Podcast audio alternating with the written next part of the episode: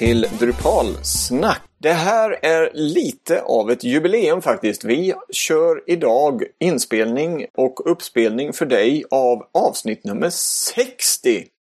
Eh, vad kom vi fram till om, om det här hade varit bröllopsår? Eh, vad, hade, vad kom vi fram till att det var? Ja, då firar ju vi diamantbröllop då. Diamantbröllop, ja precis. Och rösten som ni hörde där kommer ifrån Kristoffer Wiklund. Hej! Hallå, hallå! Välkommen! Känns det bra att ha varit med i så många avsnitt så att vi faktiskt är uppe i nummer 60? Jag tycker det känns väldigt bra. Ja. Eh, Det känns som att man kan hålla på eh, minst 60 till. Ja, minst precis. Det låter bra. Ja, vi har i alla fall ämnen så det räcker och blir över. Men eh, vi tar gärna emot eh, fler kan vi ju säga också. Men eh, innan dess så ska jag säga att jag heter Adam och eh, ni lyssnar som sagt på Drupalsnack. Det här avsnittet eh, kommer att handla om rättigheter. Vi kommer att prata lite om hur det funkar i Drupal och eh, lite grejer som Kristoffer har upptäckt eh, senaste veckan just när det kommer till rättigheter. Och eh, det här avsnittet sponsras av Kodamera. En webbyrå med inriktning på öppen källkod. Och det tackar vi naturligtvis för. Det är ju att det blir lite lättare för oss att sitta här och prata om det som vi tycker bäst om. Nämligen Drupal, eller Drupal. Jag har fått den frågan ganska mycket här hur man uttalar det. Eh, hur säger du? Ja, jag säger ju Drupal. Du säger Drupal. Ja, Ja. Jag, jag tror att jag började säga Drupal. Eh, men eh, jag inser att jag pendlar väldigt mycket eh, beroende på vem jag pratar med. Eh, så ibland blir det Drupal och ibland blir det Drupal. Ja. Ja, så länge man inte säger Jomla eller något annat så Ja. ska man väl vara glad. Ja, nej just uttalet på Drupal, det har jag blivit lite så här härdad. Det sägs som på olika sätt. Mm. Huvudsaken vi pratar om samma sak. Ja, precis. Kärt barn har många namn. Eller i alla fall, eh, kärt barn har ett namn som uttalas olika. Då ska vi se här. Rättigheter som sagt eh, hade vi tänkt att eh, zooma in lite på idag. Och eh, Rättighetssystemet i Drupal är ju en av dess stora fördelar skulle jag säga. Eh, Efter att ha jobbat med andra system med, eh, som är baserade på öppen källkod, vi ska inte eh, säga vilka, så är ju rättighetssystemet i Drupal en, eh, ett himmelrike skulle jag nästan vilja säga. Du kan eh, nästan out of the box eh, styra exakt vad man får och inte får göra och vad man får se och inte se. Och eh, bara genom att lägga till en eller två moduler så, eh, så utökar du detta systemet verkligen ner på, på fältnivå eh, vad det kommer till att vad man får och inte får göra. Eh, vi kommer prata lite om moduler och vi kommer prata lite om hur rättighetssystemet funkar och sen som jag nämnde lite tidigare så ska vi prata om någonting som Kristoffer har upptäckt här när han har suttit och jobbat, eller han ska jag inte säga, när ni har suttit och jobbat. För det var webbsystem tror jag som kom fram till detta. Ja, jag kan väl ge mina kollegor lite cred, det kan jag väl göra. Ja, men det, det är bra. Rättigheter då. Hur, hur håller du med om det som jag har orerat lite om här Kristoffer, om rättighetssystemet? Är det, är det för stort eller är det lagom stort eller är det alldeles för enkelt i Drupal? Nej, jag skulle säga att det är ju, det är ju grymt, mm, heter powerful, vad heter det på svenska? Nu börjar jag Kraftfullt. engelska. Kraftfullt. Eller nu ska vi vara, vi ska vara svenska. Det är bra. Ja, det är bra. Det är Ja. bra. Nej, men kraftfullt eh, skulle man kunna säga. Nej, men det är ju så- såhär, det finns så mycket man kan göra och sen är det så robust i rättighetssystemet och med säkerhetsteamet som verkligen ser till så att alla små eh, corner cases uppfylls. För eh, många utav säkerhetsuppdateringarna är oftast att ja, du, är administ- du har administratörsrättigheter för den här delmängden av den här modulen. Och utifrån de delarna så kanske du kan ta mer rättigheter än vad du får. Så det ska vi hindra. Och det kan vara sådana här saker som du administrerar block. Och får du göra det så kanske du får göra annat. Och då tycker man så här, ja men får du administrera block då är det väl administratören då. Men Drupal har ett sånt eh, tänk kring, kring rättighetssystemen att det ska vara, det, det ska inte vara några bieffekter. Det man säger är det som ska vara. Mm. Men det är ju det när man som ny dru Drupalist eller så installerar Drupal och sen loggar man in som användare 1 och sen så fungerar allting. Eh, man får göra allt möjligt och sedan skapar man användare och den får ingenting. Så blir Ja. man lite frustrerad. Eller, eller för mycket. Ja, Kan det ju bli också om man inte har riktig koll. Men, eh, men jag håller med. Det, det kan absolut hända.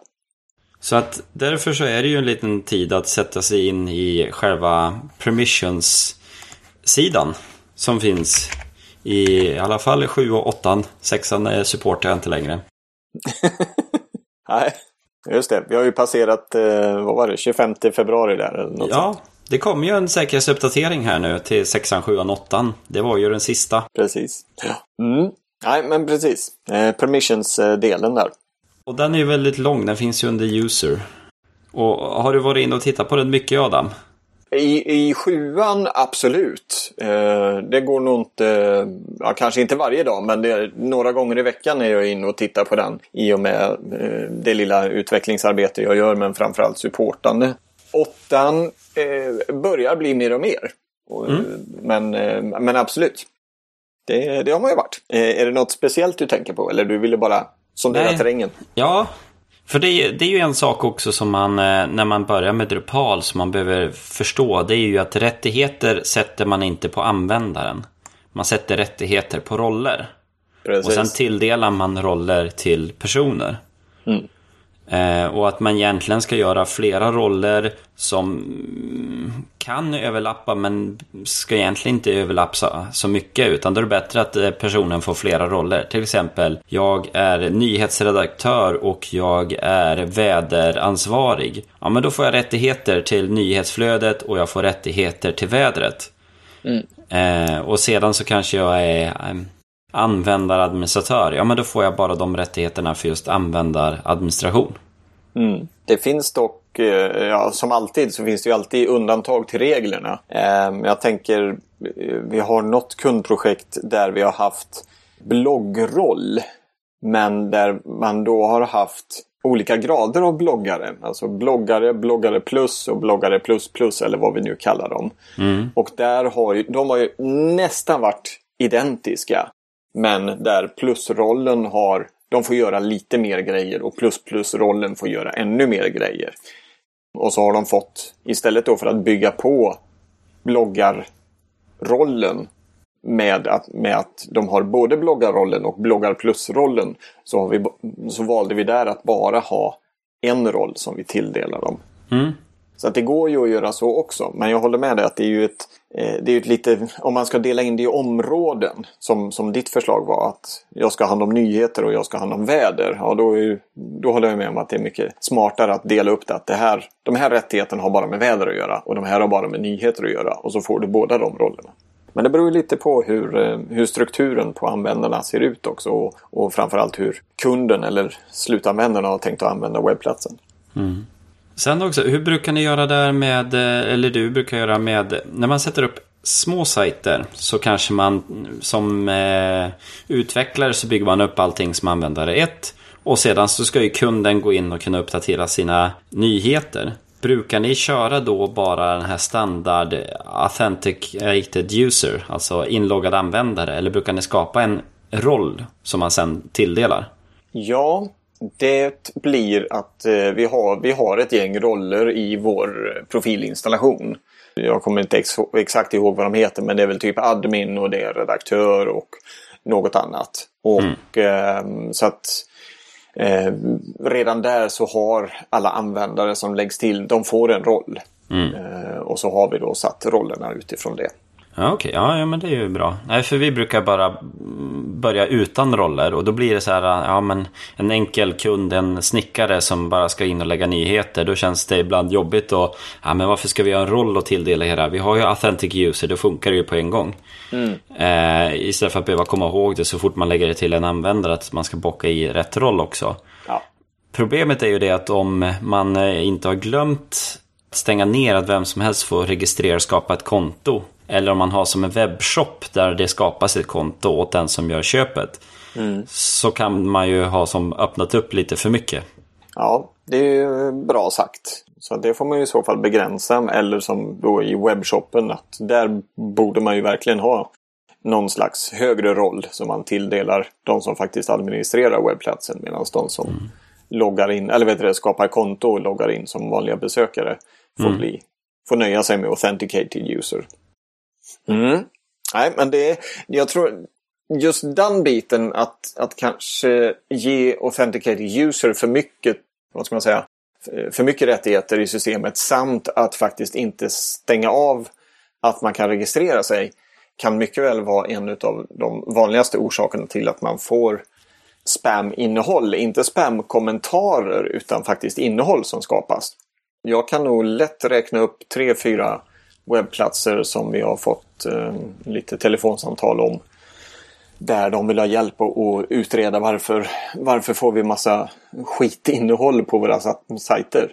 Och det mm. visar sig att de, den utvecklaren eller de som har varit med och utvecklat den här webbplatsen har inte riktigt haft koll på det här. Att nej, men, vem som helst har fått regga sig och då har de kunnat skapa nyhetsnoder med spam-innehåll. Ja, och jag tror till och med i Drupal 7 så är det till och med standard att vem som helst kan skapa ett konto.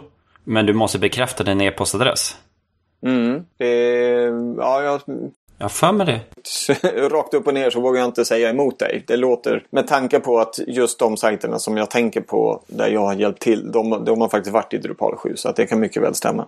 Mm. För jag för mig det var bland det första vi gjorde i vår installationsplattform. Att man ser till så att eh, man ändrar inställning till att användare får endast skapas av administratörer. Mm, precis.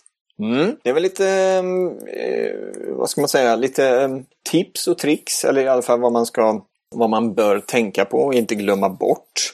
Eh, om vi ser, om vi tittar här på, på rättighetssidan, är det något annat som, som vi bör lyfta fram som man bör tänka på just när det kommer till, eh, till rättigheter.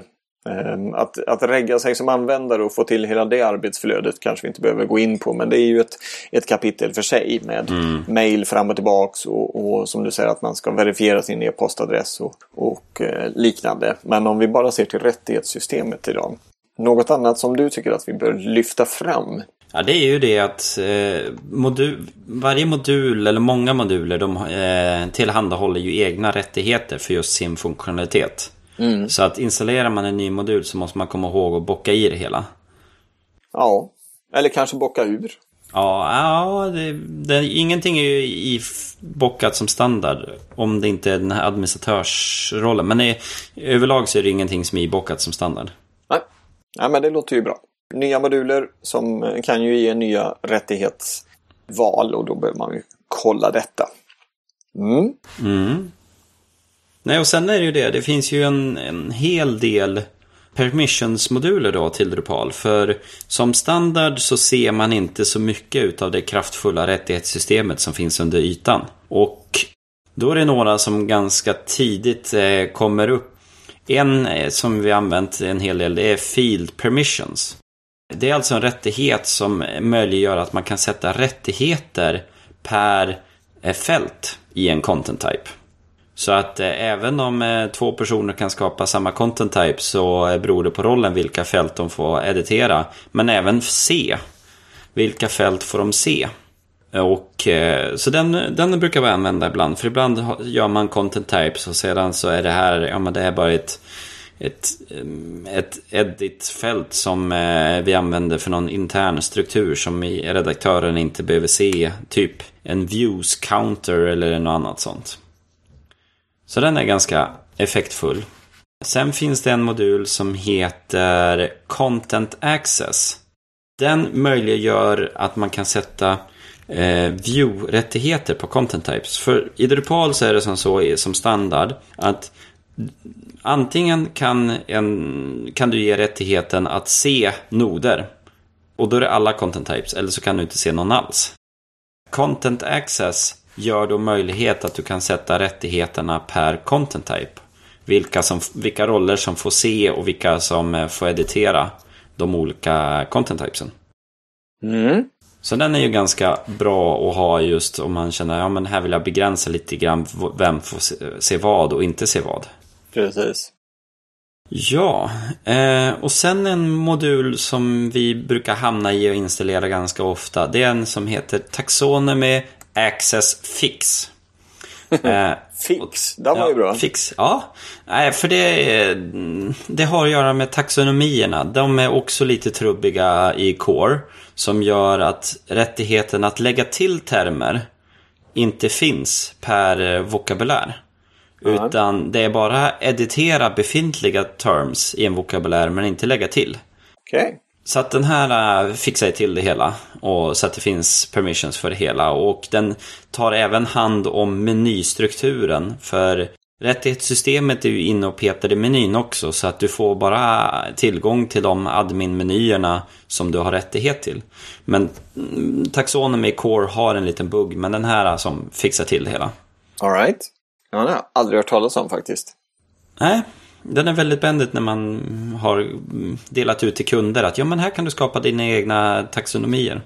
Mm. Men du vill inte visa alla som finns. Nej, nej, precis. Mm. Yes, det var Taxonomy Access, Access Fix. Det den, den, det där namnet kan man inte säga när man har varit ute på baren ett, en kväll. Mm. Vi går vidare. Du har listat en hel, ett helt gäng här. Ja, jo, men man hamnar ju hela ibland att ja, men det här då, varför funkar inte det här? Och den nästa är ju bland annat den här Few Unpublished. För i Drupal 7 Core är det nämligen som så att opublicerade noder får bara den som har skrivit noden editera eller de som har permission, eh, en superrättighet, eh, administrate all content ever. Mm. Eh, så då kan man ge den här, eh, då finns en modul som heter View Unpublished. För då om jag har rättighet att redigera noder utav content type, låt, låt säga artiklar, då får jag även editera de som är unpublished. Mm. För det får man inte göra som standard. Nej, nej, nej. En liten eh, bugfix skulle man nästan kunna säga. Ja. Mm. Så den är ju också ganska bra. Sen så eh, hittade jag en här också när jag höll på och kolla runt lite grann. Det här med att se noder och sånt. Content eh, Access fixar ju den på lite eh, mer övergripande. Men en lightweight-modul är här Node View Permission. Så att man får en permission som är viewed on content och view any content for each content type. Mm. Så att den är lite mer lightweight som man kan installera. Men sen hamnar man i, när du vill göra lite mer strukturerat innehåll, lite mer community-delar, då hamnar man i att man vill göra, tänka sig att ja men jag har en grupp användare här, de ska få göra sitt innehåll. Eh, de kanske ska få redigera sin eh, lokala förening. Du har en, eh, en Sverigeorganisation som har en huvudsida men sen finns det lokala föreningar. Och den lokala föreningen ska ju få uppdatera sina egna saker och lägga in nyheter bara för sig. Precis. Och då eh, finns det lite olika sätt och en modul som är ganska vanlig då det är ju Organic Groups. Eh, som löser det hela. För då tänker man sig att man gör or organiska grupper då. Varje lokalförening blir en organic group och under den innehållet kommer som ligga som ägare in i den där organiska gruppen. Och då är man medlem i den där gruppen så har man rättigheter på innehållet som den där gruppen äger. Den är lite halvkrånglig att sätta sig in i och det är många saker fram och tillbaka hur den funkar. Den är väldigt kraftfull. Så har man speciella grupprättighetssaker eh, som man vill lösa, då är den ju väldigt bra. Eh, sen finns det en annan också, en modul som löser det hela på enklare. Undrar vad den hette? Som fungerar ungefär som Organic Groups. Ja. Undrar om den heter typ Content Type Groups. Oj då. Nej, det finns en annan. Jag undrar om det är Fredrik som tipsade om den för typ ett år sedan eller något sånt där. Det finns ju en som heter Content Type Groups, mycket riktigt. Ja, men den hade för få för att det ska vara den. ja, 513. Ja. Eh, group Module ska det finnas. Den ska vi nog lägga med här nu också. Eh, nej, det var inte så många heller i den. Ni märker att vi har eh, verkligen förberett oss ordentligt här och, och har listat och gått igenom och tagit reda på allt innan vi börjar spela in. Ja. Nej, i vår podd så, så tar vi det lite som det kommer. Och då blir det ofta så här att plötsligt så börjar det knappa på tangentbordet och så försöker man leta upp det som man eh, diskuterar. Jag skulle säga det där är inte vår podd, det är hela mitt arbetsliv. Det här då? Så knappa, knappa, knappa. Mm.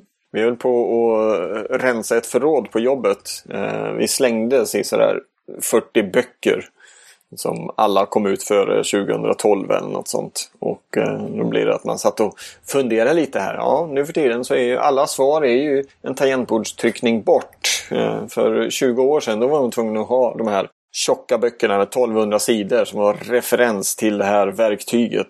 Man kan ju tänka sig vilka tjocka böcker Drupal hade krävt fram. Ja. Om inte sökmotorerna och internet hade funnits. Fast å andra sidan, hade inte internet funnits så vet det skön om vi hade gjort något Drupal. Ja, bara en till sidnot på det hela. Det är ju, jag satt med ett projekt. Vi höll på att koda en Drupal-sajt som ligger på ett säkert nätverk. Så den, det nätverket har inget internet. Eh, det är ett eh, personalhanteringssystem och så. Det är känsligheter som inte får komma utanför. Så då har man ett nerlåst nät. Mm. Och då satt man där och utvecklade på det nätet. Och det är så här, hmm, jag kan inte googla någonting då på den datorn. Och sen så skulle jag även, eh, det fanns en Java-koppling också, då skulle jag kompilera Java också. Och det är så här, ja, det går ju, så här, vissa saker kunde man ju då flytta in via USB-minne som eh, hade kontrollerats och så.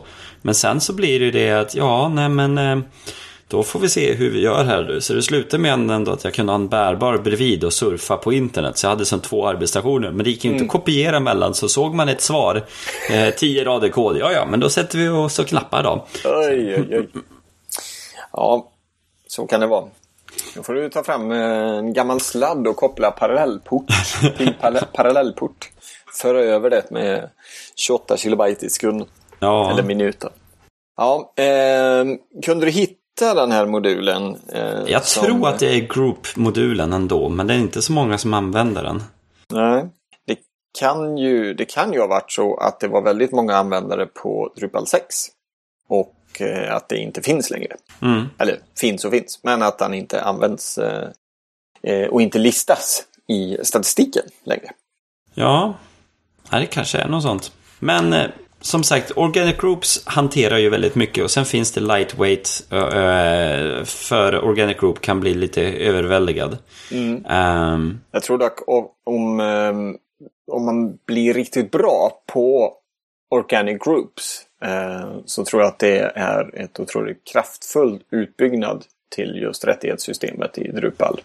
Eh, och det här exemplet som du lyfter fram med en stor organisation och mindre organisationer under. Till exempel ja, scouterna eller friluftsfrämjandet eller något sådant. Eller man har lokala föreningar.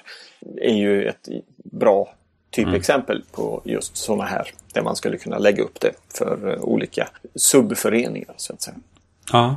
Mm. Ja, nej, vi, vi har ett projekt där vi använder den och där fungerar den väldigt bra. Mm.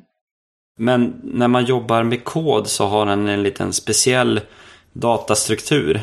För att det finns ju ett fält på noden då som är själva gruppkopplingen. Mm. Men det finns ingen data i den databastabellen. För Organic Group har en egen eh, tabell där den håller reda på alla de här relationerna och ägarförhållandet. Aha, okay. Så det är bara ett artificiellt fält som populeras när du kör Node Load. Mm. Så så länge du håller dig i bara kod och inte ställer databasfrågor, då funkar allting. Men börjar man ställa databasfrågor, då blir man som lite bortfintad innan man hittar rätt. Ja, se det. Ja, så kan det vara. Och sen också, det här, nu börjar vi som komma ner lite grann i lagren i, i, i rättighetssystemet och de bitarna. Eh, och då finns det en modul jag har inte använt den själv men den poppar upp lite nu och då. Den heter ACL. Och det är short för Access Control List. Det är en API-modul som Content Access kan använda. Det, har, det kommer ju lite grann, Windows-världen har ju de, det tanken med rättighetssystemen också. Men att man har som accesslistor där man kan bestämma vem som kommer åt vilket innehåll och vad. Så den löser vissa delar och sen finns det en modul som heter Node Access. Den är inne och eh, man kan sätta rättigheter per nod. Inte per content type eller node type, utan du sätter rättigheter per nod. Mm. Och det där är egentligen ett fint GUI i hur eh, Drupal gör det under ytan i Core. För det finns ett väldigt avancerat rättighetssystem längst ner i Core som eh, är väldigt kraftfullt. Som lär man sig det så kan man som klara sig utan ganska mycket. Typ Organic Groups kan man klara sig utan om man lär sig det systemet. Eller Group-modulen och lite sånt. Men eh, så jag tänkte ge mig på och försöka förklara det hela här nu. Jag har väl 5-10 minuter på mig här nu. um, men i sin uppbyggnad så är, det, ja, eh, så är det inte så avancerat. Utan alla noder kan man sätta på lås på. Och sedan kan användare få nycklar. Och låsen som man sätter på, de kan ha en nyckelserie och ett ID-nummer. Eh, sen är det som så att man kan ha parallella lås där vilket lås jag än öppnar gör att jag kommer in.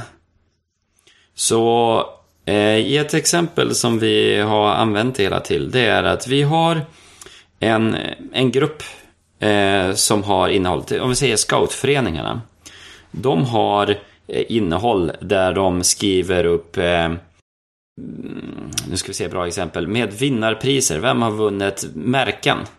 För mm. scouter de tar ju alltid märken och ska sy fast dem. Mm. Så det lägger de upp i sin grupp. De där, eh, vem som har vilka märken eller inte, det är inte officiellt utanför gruppen. Men jag kan ju ha varit med på en träff och fått ett märke utan att vara med i den eh, gruppen. Så att om jag går på min sida så ska jag själv kunna se mina märken som jag har fått. Och det är då man hamnar i ett eh, väldigt speciellt rättighetssystem. För då ska jag få se eh, nod, en nod som jag egentligen eh, inte ska få se, men det är tack vare att jag finns nämnd i den, men det är inte jag som äger noden som gör att jag får se den. Och det är då man hamnar i att man använder två moduler, eller två hookar. Den ena heter Hook Node Access Records. Det är en hook som körs varenda gång en nod sparas så körs den. Och det är då man har möjlighet att sätta på lås. Och i det här fallet när jag pratar om de här märkena så då sätter man på två lås. Det ena låset är alla som är med i gruppen får se den här noden. Sen den, vad den här noden, då kan man ta ett fält och titta på. Är den här fälten, ange, vilka personer anger dig? Då, de personerna den pekar på, då ger man på ett, ett lås bara för dem. Och sen så har man nästa hook som heter Hook Node Grants. Och det är när man eh, då eh, när jag loggar in på systemet och jag ska komma åt en nod, då måste jag ju eh, hitta vilken nyckelknippa jag har, och alla mina nycklar. Så då, Node Grants, kommer man då ha möjlighet att generera upp nycklarna som jag som användare har rättighet till. Eh, och i det här fallet så, så har jag, ja men, nycklar som jag har. Jag har alla noder som eh, är märken till mig, de nycklarna ska jag ha till. Så då har man som ett ID-nummer och en serie. Och sedan så tittar man på vilka grupper det är med i. De nycklar ska jag också ha. Och sedan så kan man göra sådana här olika varianter. Vi har en sajt där eh, Anonymous har rättigheten eh, eh View Content. Eller Access Content heter den då. Som säger att de får se alla noder. Men då har vi vissa noder som vi säger att de, vi vill inte att de ska kunna se dem. Och då kan vi helt enkelt, ja men då sätter vi på, då gör vi i, i lås eh, hooken, Node Access Records. Då lägger vi på, då kollar vi, är den här content-typen eh, eh, som ska vara stängd? Då lägger vi på ett lås. Och sedan så för nycklar så kollar vi, är du en inloggad användare? Ja men då får du nyckeln till de här låsen. Och då kommer man in. Och då, de inloggade användarna kan se en nod men de oinloggade kan inte se den noden. Och då, mm, det går ju att göra det istället för att titta på content type så kan man titta på ID-nummer. Man skulle kunna jobba med datum. Så när du sparar en nod så sätter du nycklar och lite sånt. Men det man får fundera, eller sätter lås, det man ska ha i tanke det är att låsen sätts bara när du sparar noden. Så det, låsen uppdateras inte dynamiskt på samma sätt som nycklarna gör. För nycklarna genereras upp varje gång du eh, eh, går in på sidan. Och det finns lite olika bloggposter som gjorde att jag fick lära dem hela. Eh, Phase 2 har någon och Apple Nation har någon och så. Men att man får som leka runt lite grann det hela. Ja, eh, ett use case som jag hamnade i som egentligen gjorde att jag började det hela. Det var att man hade eh, ett rapporteringssystem. Så man rapporterade in ärenden som behövde åtgärdas i... Eh, eller egentligen så var det inte ärenden, men man, man ansökte om pengar. Så då eh, fanns det att vem som helst kunde ju skapa sådana ansökningar. Sen fanns det en grupp administratörer som kunde ta de där noderna och, och som går vidare i processen och uppdatera dem så att de hade edit-möjligheter. Men då var or, eh, själva organisationskravet eh, var det att om jag har lämnat in en eh, förfrågan och jag sitter med i den gruppen så får ju inte jag godkänna mitt egen förfrågan. Så att det uppstår en jävsituation. Mm.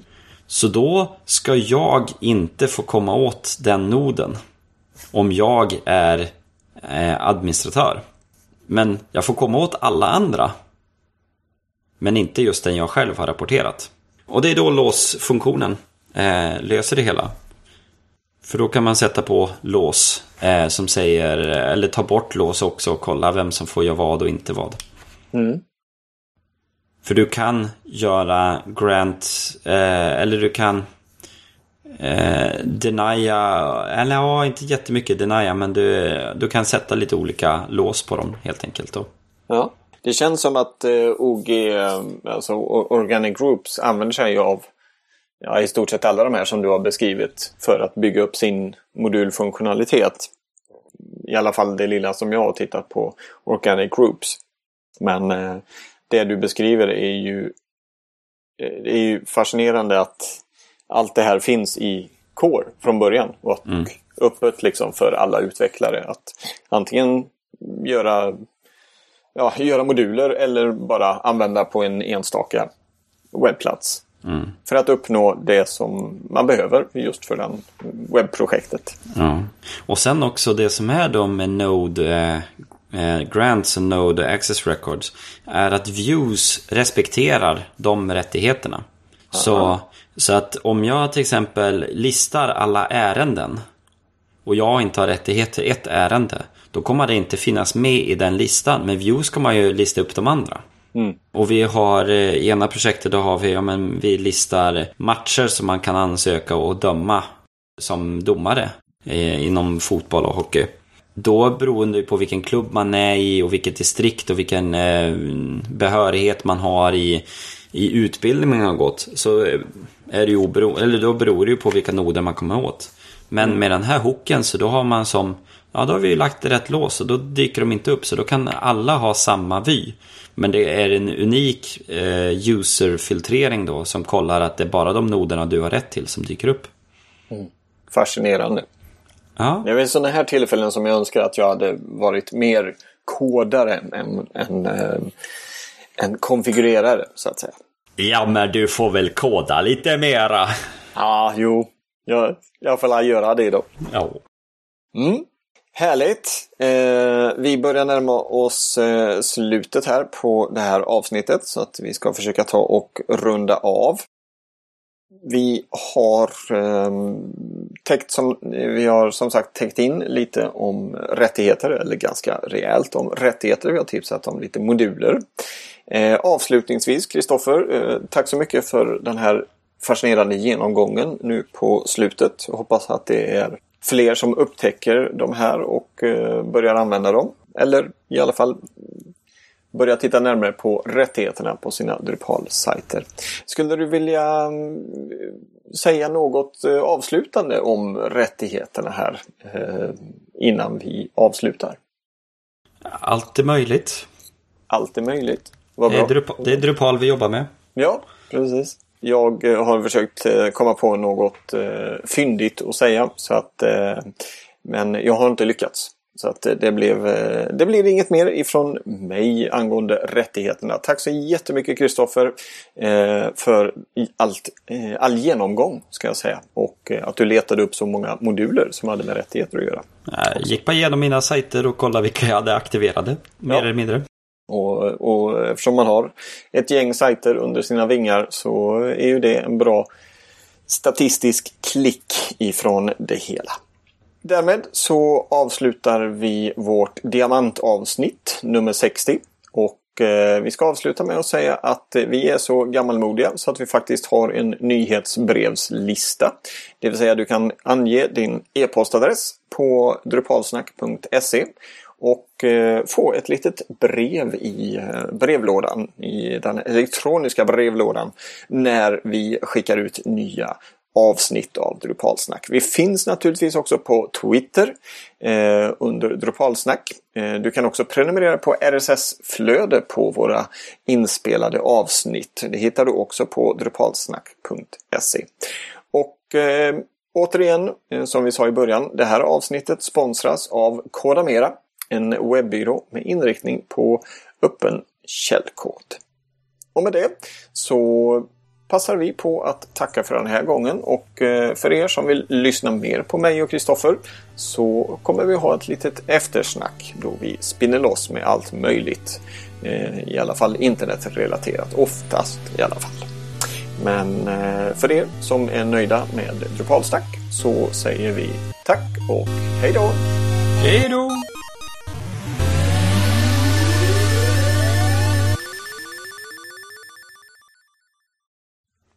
Och där tonade musiken ut och vi eh, slappnar av lite, vi skakar loss och eh, ja, vänder upp eh, fotknölarna bakom öronen så som vi brukar göra när vi har snackat färdigt. Ja. Dags för lite eftersnack. Ja, vi hade ju Drupal norrträff här för två veckor sedan. Just det. Det såg jag på Groups och det sa vi nog i förra förra avsnittet av Drupalsnack också. Hur, hur gick det? Blev ni, blev ni många? Vad hände? Berätta. Nej, vi, det blev lite manbortfall. Folk blev ju sjuk sådär i februari. Jag förstår inte det. Februari. Ja. Februari. Mm. Nej, men vi var sju stycken tappra själar. Ja. Så eh, vi, vi tog och gick igenom ett av våra system vi hade byggt och så också. Mm. Eh, och hade lite showcase där och sen hamnade vi in och pratade. Så vi pratade rättighetssystemet och vi pratade form-API-et. Eh, och visade upp det hela. Eh, det är ju ruskigt effektivt när man gör saker the Drupal way. Mm, mm. Var det Drupal 7 eller Drupal 8? Ja, det var 7 Det var 7 mm. Sen också, sen förra gången var avsnittet när du säger Drupal 8. Vi har lanserat två stycken Drupal 8-sajter nu. Nämen, se där. Ja. Eh, vill du eh, berätta vilka de är? Ja, det kan vi ta. Ekelov.se kan vi ta. Mm. Den är väldigt enkel. Den, eh, det är en presentationswebb som det blev aktuellt att eh, flytta över av olika anledningar. Mm. Jag, får inte, jag får inte upp den.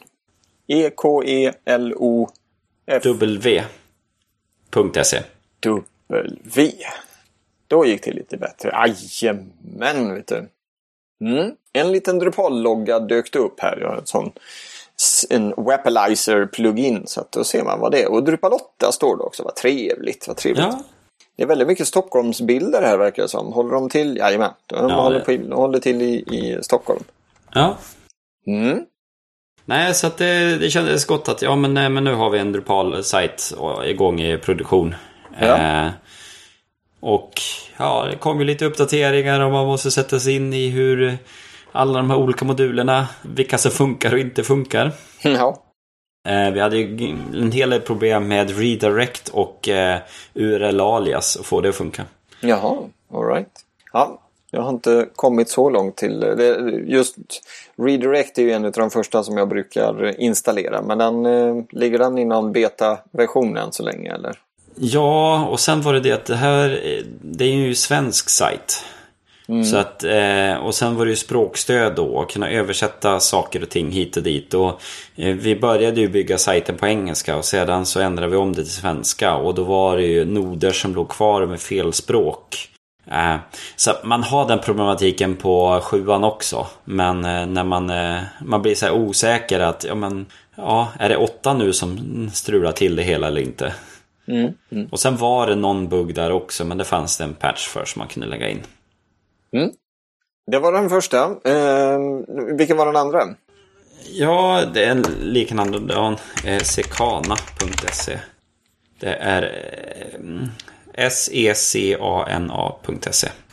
Det är typ deras engelska internationella motsvarighet. Ja, ja. Schysst. Ja, mm, två fina sajter. Mm. Det blir ju bra. Och de känns så snabba.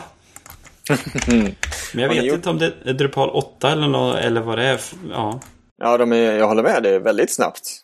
Eh, har ni gjort något för att eh, casha och liksom göra att de är snabbare? Eller kör den POP 7 eller? Nej, ja. vi kör eh, POP 5.5. Men vi har ju cachning påslaget med en timmes maximumtid på den. Mm. Så eftersom Drupal kan cacha olika saker lite olika mycket så tror jag nog att den utnyttjar det hela. Mm. Schysst. Ja. Då får väl jag eh, klämma till med att eh, vi också har släppt en eh, sajt, eller vi, Kodamera alltså.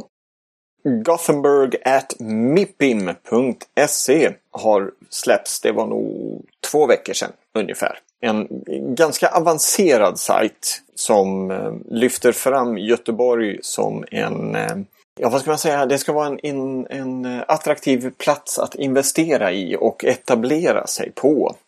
Jaha, så det var inte Gothenburg at night då? Utan vad sa du? Mitting? Eh, Mippim. Gothenburg PIM. MIPIM är alltså den största, eh, om jag minns rätt nu, eh, största etableringsmässan eller fastighetsmässan i världen. Den eh, håller till i Cannes i Frankrike. Eh, och går av stapeln om några veckor. Och eh, då är det Business Region Göteborg som åker dit och lyfter fram Göteborg som, eh, eh som vad ska man säga, geografisk plats. Kan man säga. Och den är byggd på åttan. En utav, ja definitivt den mest komplicerade Drupal 8-sajten som vi har byggt hittills och, och släppt. Eh, vi har inte släppt någon annan så att det, var, det var lätt att säga så. Men den, ja. eh, den har varit eh, under utveckling ett bra tag. Men det här är egentligen det, det, är så mycket mer än bara en presentationssajt. För tanken är att det här ska vara ett, eh, eh ett verktyg för Business Region Göteborg där de kan spinna upp eh, subdomäner och eh, projektwebbar eh, väldigt enkelt. Och i sjuan så kan man ju göra detta med domainmodulen Eh, eller man kan göra multisajter eller något liknande. Men det här är byggt i åttan. Eh, just för att de ville, de ville ligga långt fram, de ville satsa på öppen källkod och eh, då ville de ha åttan för den här. Och den här har varit under utveckling sedan i höstas. Vilket har, det har inte varit helt olätt kan man säga. Det har, inte, eller, det har inte varit helt lätt att göra det. Det har varit mycket trial and error. Men eh, nu till slut eh, så blev den klar och lanserades. Eh, riktigt eh, trevligt. Bra jobbat av mina kollegor. Ja, men jag tycker det ser väldigt bra ut. Mm. Det gör ju mycket med schyssta bilder och så. Det gör ju det. Och, och, bilder som är anpassade till nya motor, eh, motorer, monitorer menar jag också. Eh, jag hade en, en gammal sajt idag, en gammal Joomla-sajt som jag satt och jobbade med. Och, eh, designen är eh, aningen daterad kan man säga. Typsnitten är i sådär 10 pixlar. Eh, kommer du ihåg när det var alla sådana här små boxar som man hade till höger och vänster det skulle vara lite mindre typsnitt i. Ja. Eh, det ligger fortfarande kvar. Den här sajten är tio, tio år och mer tror jag. Och den, man bara, mm, kan vi inte få göra om den? Men nej, det får vi ju inte. Men eh, den här är flång Få, få, det är vad man gör. Ja, jo. Men sen så, någon ska ju ändå betala lönen för det hela så. Precis, precis. Men, eh, men den här är som sagt flång ny och eh, riktigt snygg. Faktiskt. Det är ju mycket, alltså säga vad man vill men, men schyssta bilder som du sa och stora bilder är ju eh, det gör så mycket på webben. Mm. Nu ser jag faktiskt att eh, de lyfter fram Mölnlycke fabriker. Det är ju nästgårds till mig här. 600 lägenheter. Mm. Om du någon gång eh, ska flytta ner till Göteborg så kan jag rekommendera Mölnlycke fabriker. Det verkar bli Ja. fint. Jag får väl ha det som en sån sommarlägenhet va? Ja, precis. Vet du. Så får vi se ifall du får bli granne med ett eh, höghastighetståg eller något. Mm. Schysst. Nej, det går väl eh, framåt med Drupal 8. Eh, sakta men säkert. Jag får väl tyvärr säga att samma limbo som uppstod efter sjuan släpptes där det tog ett halvår innan de här mest populära och användningsbara modulerna fanns klara eh, har infunnit sig här också tyvärr. Eh, det är, alltså även om vi lyfte in väldigt mycket moduler eh, i eh, Drupal Core och framförallt Views eh, så tycker jag att det, det saknas många som är vad ska man säga, basala i webbpro webbprojekten för att man ska kunna komma igång och jobba ordentligt med det. Ja, vi satt ju ett tag och hittade vilken slider ska man använda. Mm. Vad, vad föll valet på? Jag heter den Slick, tror jag den hette. Slick? Jaha. Den känner jag inte till. Ja, Slick. All right. Har den funnits för sjuan också? Jajamän. Ja. Nej, för den eh, kollega min som jobbar mycket med frontend och så sa det att den hade bäst, eller när han tittade runt om som fanns, då hade den bäst eh, stöd för responsivt. Och Ah. bäst markup för det hela. Ja, se där. Se där. Den eh, signar vi ner här också. Jag skriver här så att vi tar med detta i våra show notes. Den har ju rätt så bra tagline. The last carousel you'll ever need. Slick. Mm? Mm, Ja, då vet du det. Då behöver Ja. inte ifrågasätta det mer. Den har ju också Colorbox-integration.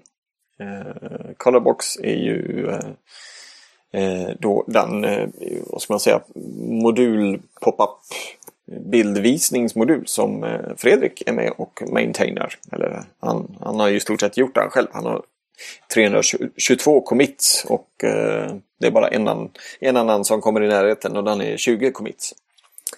Han ligger 302 commits för alla andra. Det är alltid kul eh, att hitta den modulen.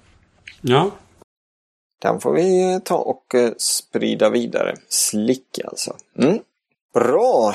Eh, vad händer annars i Drupal-världen eh, uppe i norr?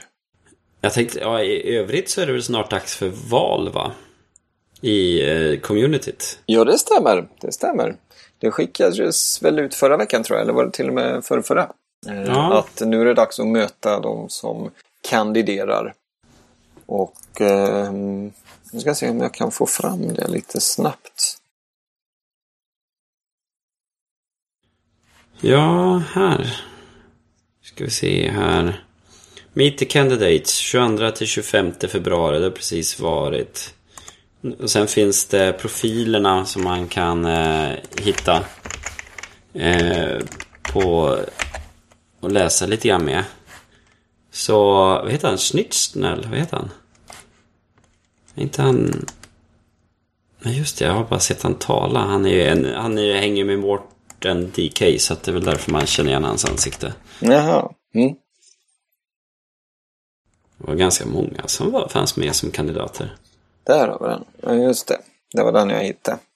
Ja, precis. Eh, Schnitzel var väl den som jag kände igen. Eh, Danny Girl har jag ju träffat på tidigare också. Eh, och sen måste man ju nästan få med Drupal Viking. Eh, bara på grund av namnet helt enkelt. Det är ingen jag har träffat. Men med ett sånt namn så går det säkert att lita på honom. Jag tror han var ifrån Island. Fire and Ice. Land of Fire and Ice. Ice and Fire. Mm. Mm. Nej, men det är lite kul att, eh, att det är på gång. Och eh, mellan den 7 till 18 eh, mars så är det röstning på gång. Så att eh, då får vi vara med och lyfta fram dem. Mm.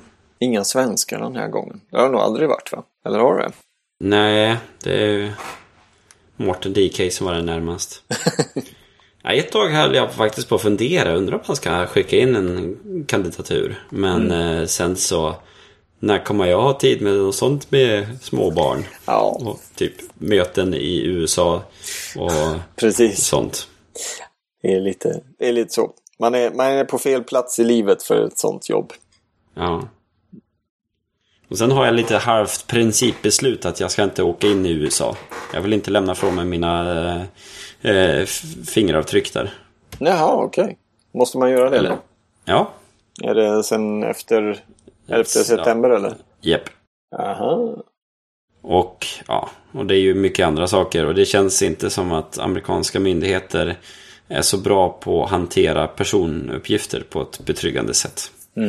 Kan man inte bara sätta en liten tejpbit på fingrarna och lämna fram dem?